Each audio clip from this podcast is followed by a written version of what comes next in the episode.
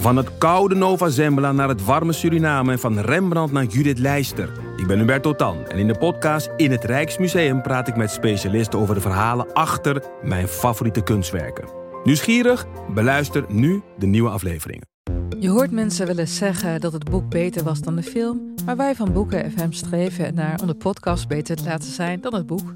Wij lezen de klassiekers die je nog niet gelezen hebt. We lezen de boeken die je heel graag wil lezen, maar waar je eigenlijk voor schaamt om in het publiek mee gezien te worden.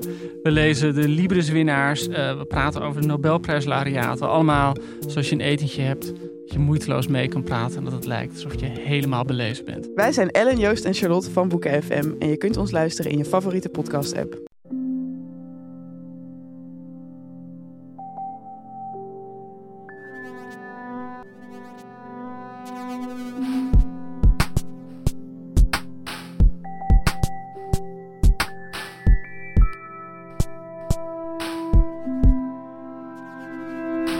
Dit is Relaas. Daarin vertellen mensen dingen die ze zelf hebben meegemaakt. Op een live podium en achteraf voor jou op de podcast.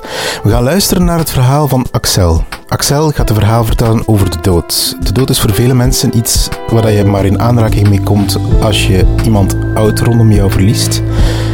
Maar bij Axel is doodgaan heel dichtbij. En het leert hem enorm veel over het leven.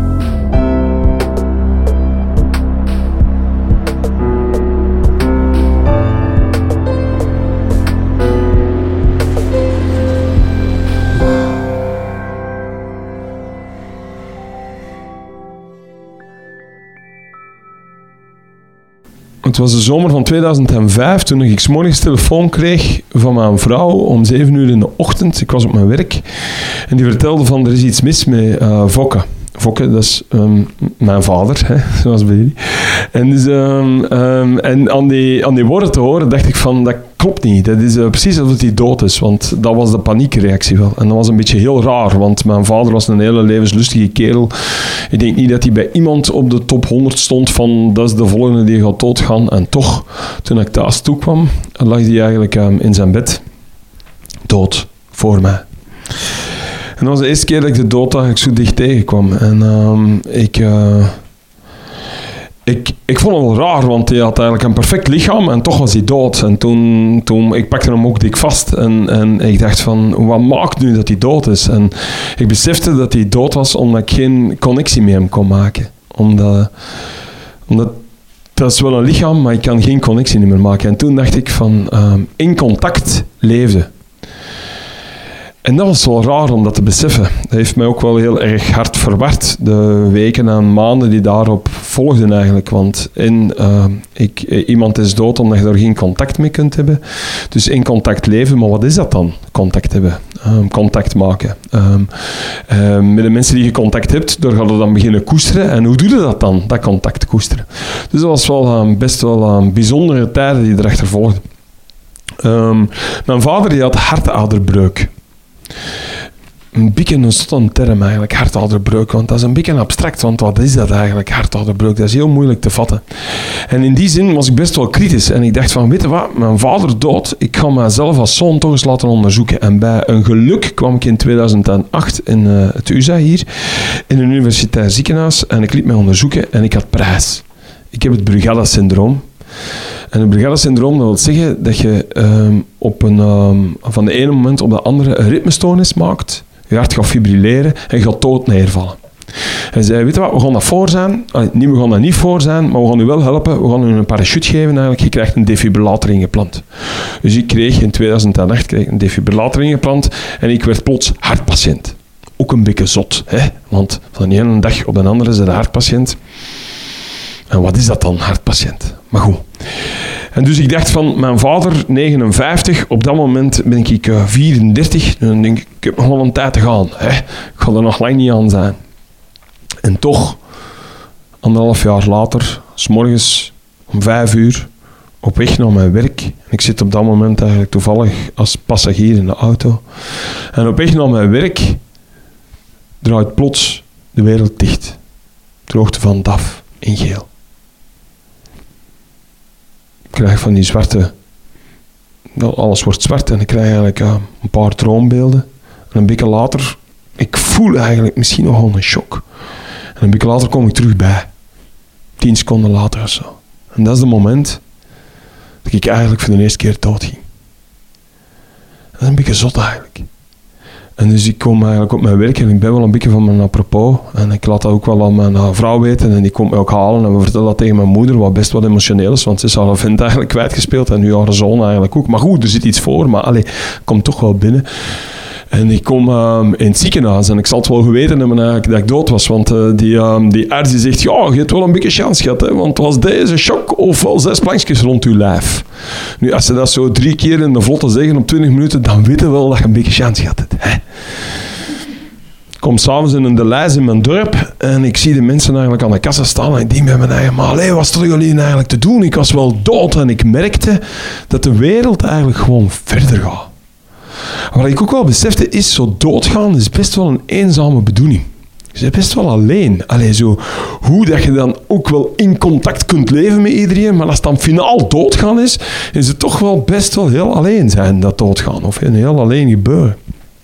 Toen dacht ik, van ja, maar wacht eens even, wacht eens even. Dat ik nu alleen leef, hè, en ik moet vertrekken vanuit mezelf. Wat zit ik hier dan elke dag te leven volgens de normen en de waarden van iedereen, want ik was eigenlijk toch dood. Dus misschien moet ik wel eens gaan kijken van wat zijn mijn normen en waarden en hoe leef ik dan juist eigenlijk. En ik krijg zo plots wel een soort van vrijgeleide om daarin te gaan grasdanen. Gaf ik mezelf, denk ik, die vrijgeleide. De mensen, mensen verstonden dan nog wel dat, zo die verwarring. Drie maanden, vier maanden later ga ik in één keer terug onderdoor. Mijn vrouw moet mij reanimeren. Um, ik heb drie shocks nodig om erdoor te komen. Dus dat wil zeggen dat ik 42 seconden weg ben. Een ambulance is onderweg. De ambulance uh, neemt mij ook mee. En op dat moment besefte eigenlijk van oké, die procedures beginnen te lopen. En dat is eigenlijk ook... Allee, mijn apparaat heeft drie shocks nodig gehad om er mij door te halen. En ik kom er eigenlijk vrij clean door. En dat is ook een heel raar iets. Zo'n defibrillator in je lijf, dat maakt het eigenlijk zo proper als het maar zijn kan. Want wat er eigenlijk dient te gebeuren is dat als ik er zo onderdoor ga, dan um, hoort er eigenlijk een ambulance te komen of er horen mensen nu te reanimeren. En dan gaan we, ofwel ze dood, hè, omdat de hulp te laat komt. Ofwel komt de hulp er wel door, maar is hij toch een beetje te laat geweest en heb je eigenlijk zuurstoftekort gehad en, en geraakt gehandicapt. Hè, en dus moeten leren babbelen of moeten nog leren stappen of ik weet niet waar. Je gaat een heel proces door. Maar bij dit is dat niet. Bij dit is dat gewoon tjoek tjoek. Hè. Van de ene moment op de andere leeft hij gewoon verder, maar eigenlijk passeert de dood. En dus dat was eigenlijk drie maanden, vier maanden later kwam dat voor een tweede keer op. En toen dacht ik van, ja, wacht eens even, wacht eens even, als dat met zo'n tempo komt. En begon me eigenlijk wel heel erg hard te doen nadenken over het leven zelf. En wat ik zelf in mijn leven wilde gaan aanvangen. Geen twee maanden later, ketjoen, terugprijs. S'morgens terug opnieuw om vijf uur in de ochtend. Terug opnieuw op mijn werk terug opnieuw op diezelfde autostrade bijna, knal terug aan een DAF, draait de wereld terug dicht. Ik zit weer als passagier in een auto. Tien seconden later, pam, terug bij en ik mag weer verder leven. En dan kom ik op mijn werk. Ik werkte toen bij Nike en dan staat een hele... Nike is geweldig met slogans. Hè, en een van onze slogans is... There is no finish line. Beetje zot. Hè? Als je twee keer op weg naar dat werk de finishlijn zit tegengekomen en er is no finish line. Toen dacht ik bij mijn eigen, wacht eens even, Axel, wacht eens even. Als je een herkansing krijgt in je leven, om verder te leven. En er zijn mensen die zo slim zijn dat die dat ding in hun lijf steken. En er is, er is een maatschappij die eigenlijk voor je zorgen. Dan moeten misschien, als je toch mocht verder leven, moeten misschien ook wel iets teruggeven aan die maatschappij. En gaat dan gewoon in uw talenten en in uw krachten en in uw ervaring staan, maar engageert u dan in dingen die eigenlijk antwoorden geven aan de problematieken die in de maatschappij eigenlijk gangbaar zijn. En dan ben ik eigenlijk rustig beginnen kijken. En dan dacht ik ook van, daar bij Nike zit ik eigenlijk in een box, wat weg van de wereld. Ik wil ook wel in de wereld gaan staan. Dus ik ben gaan kijken en dan ben ik uiteindelijk hier in Antwerpen terechtgekomen en ben ik langdurige werklozen aan het werk gaan zetten en ben ik eigenlijk gaan werken rond mobiliteit ook. Dus in een fietsproject met langdurige werklozen. Daar heb ik vijf jaar eigenlijk uh, een trekkersrol in gespeeld. En ik vond dat wel fijn, want dan kon ik eigenlijk die die, die refugees zo meenemen in hoe dat het is om Vlaming te zijn. Hè? En welke regeltjes dat ze dan moeten volgen. En toch langs de andere kant dat ook wel een beetje relativeren eigenlijk. En kon ik er toch wat mee verzoeken dat die een thuis hebben. En konden we er ook wel mee gaan kijken en kritisch gaan kijken rond de mobiliteit hier. En dat was voor mij wel... Um, en uh, hier begon ik wel um, een soort rust te vinden. Een rust in, in mijn zoeken, vertrekkend van wat de dood was. En wat ik eigenlijk merkte was van, maar podorie, ik kom eigenlijk dichter bij mezelf terecht. En dat is eigenlijk maar goed ook, want we gingen naar Music for Life en ik stap die bus op terug van Music for Life. Uh, ik, stap die, ik, ik, ik uh, moet ook wel zeggen, het feit dat ik zo drie keer eronder doorga op een half jaar tijd, niet wetend wanneer dat gebeurt, dacht ik bij mijn eigen, ik mag officieel wel met een auto rijden. Allee, zo drie maanden aan een shock toch. Maar ik, uh, ik dacht, ik ga uit je auto blijven. Dus ik ga nimmer met een auto rijden. Ik ga mijn leven zo organiseren dat ik dat risico niet pak, dat ik in één keer achter het stuur van een auto eronder uit ga. En ik ga eigenlijk met een fiets beginnen rijden. Ik kon het openbaar vervoer pakken en met de fiets rijden. En door met de fiets te rijden ben ik ook in, in, intenser het weer tegengekomen en de omgeving tegengekomen. Ik kom de lente tegen, ik kom de, de winter tegen, ik kom de zomer tegen, ik ruik de bloesems, ik hoor de vogeltjes. En dat op zich is dat eigenlijk geweldig. Hè? Want anders zal je gewoon achter me sturen in een auto en je zit wel met je muziek en dat is ook allemaal wel tof. Maar dat is toch een ander soort van intensiteit en een ander soort van leven. Dus ik was eigenlijk wel blij dat ik um, al zo ver geëvolueerd was kom ik eigenlijk um, um, van Music for Life. En ja, ik was er niet met een auto, dus ik stap eigenlijk de bus op. En op die bus ga ik er terug onderdoor. Mijn zoon is daarmee een vriendje bij, dus ik kom terug opnieuw bij. Ik heb eigenlijk ook niet een besef van... Ik heb die shock op dat moment ook niet meer gevoeld, of niet gevoeld. Dus ik heb ook niet een besef van, was dat nu of was dat zo niet? Dus mijn zoon zegt, papa, je maakt toch wel een beetje een raar geluid. Ik zeg, ja, ging dat dan zo en zo? Ja, toch wel precies. Ik zeg, ik denk dat ik prijs heb gehad, jongen. Dus ja, in ieder geval, als je de volgende dag naar het ziekenhuis gaat, dan lees je dat uit. Inderdaad, je had eigenlijk prijs gehad. En toen dacht ik bij mijn eigen, maar wacht eens even, wacht eens even. Nu krijg ik terug herkansen. En eigenlijk moet ik mij misschien nog wat fine-tunen. Nog wat meer fine-tunen. Anderhalf jaar later krijg ik terug opnieuw een shock. Um, zittend in een vergadering eigenlijk met mijn collega's. En toen dacht ik van, ja, maar weet wat, ik, um, ik heb hier eigenlijk wel, ik weet niet over geluk. Ik ben eigenlijk de chanceur die mag verder leven. Er zijn een hoop mensen die, um, die die chance niet hebben. Die niet op tijd een defibrillator hebben gekregen. En dus heb ik mezelf als, als, als doel gesteld van oké Axel, misschien moeten we je verhaal eigenlijk wel um, mensen proberen te raken. En vanuit dat raken mensen motiveren om te leren reanimeren. Dat als er iemand rond hun, nu hier, neervalt, en pas op, ik heb het onlangs voor gehad. Dat was een beetje, een een patant. Dat was uh, bij, de, bij een bakker. Op, ik heb een bakker twee keer voor gehad.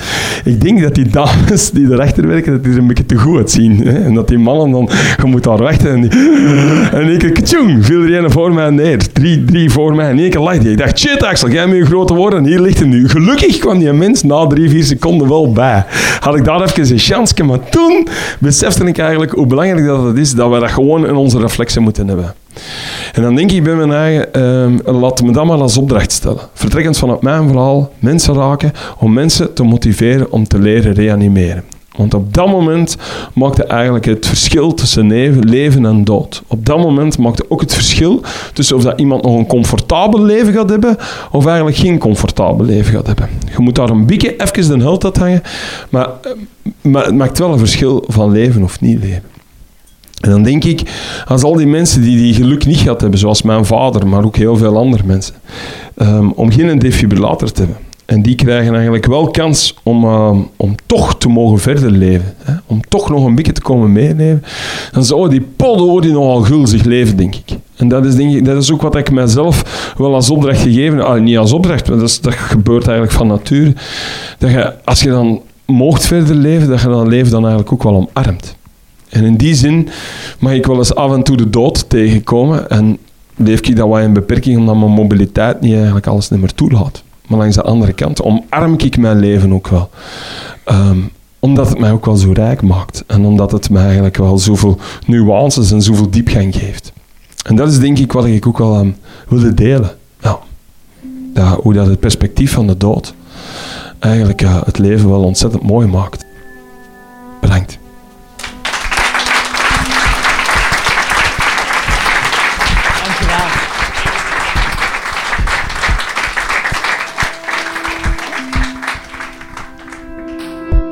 Dat was het relaas van Axel. Hij vertelde het in een hopzak. Dat was in Antwerpen, ergens in het hartje van Antwerpen in maart van 2018.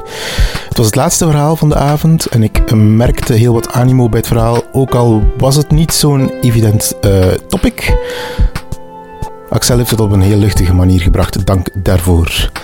Um, ik wil de crew van Relaas nog even bedanken. Stefan Gruijaert, Marlie Michels, Ruby Bernabeu Plaus, Steve Konaar, Evita Nocent, Dieter van Huffel, Charlotte Huigen, Valence Mateus, Philippe Cox, Timon van de Voorde, Anneleen Schelstraten, Sarah de Moor, Sarah de Smet, Sarah Latré, Katlijn de Vries, Edwin Gontier en, eh, had ik al verteld, ja ik denk het wel dat we een nieuwe stagiaire hebben, Silke Durie heet ze.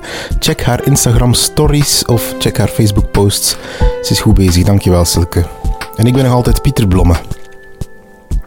Als je zin hebt om zelf een verhaal te vertellen, dan kan dat. We krijgen wekelijks wel enkele mailtjes binnen van mensen die graag een verhaal willen vertellen. Uh, dat wordt dan doorgestuurd naar onze verhalencoaches en die gaan ermee aan de slag. Die um, bellen je op, we gaan samen een koffie drinken en dan um, wordt jouw verhaal gecoacht tot het goed genoeg zit om live op een podium te brengen. Doe dus ons een pleziertje, stuur ons een berichtje en laat weten wat jouw relaas is. Je mag het ook via de website doen, daar hebben we een handig webformuliertje. En je weet het, ik ga het vragen, ik vraag het telkens opnieuw. Sommige mensen worden dat al helemaal beu um, in de podcast. Maar je zou ons een heel groot plezier doen als je dit verhaal even doorstuurt naar iemand anders. Dat betekent dat wij onze luisteraars verdubbelen. En vorige week is dat niet gebeurd, dat betekent dat jullie niet allemaal hebben doorgestuurd. Grapje hoor. Als je er zin in hebt, doe dat en anders hoeft dat helemaal niet. Dankjewel om te luisteren en tot een volgend relaas.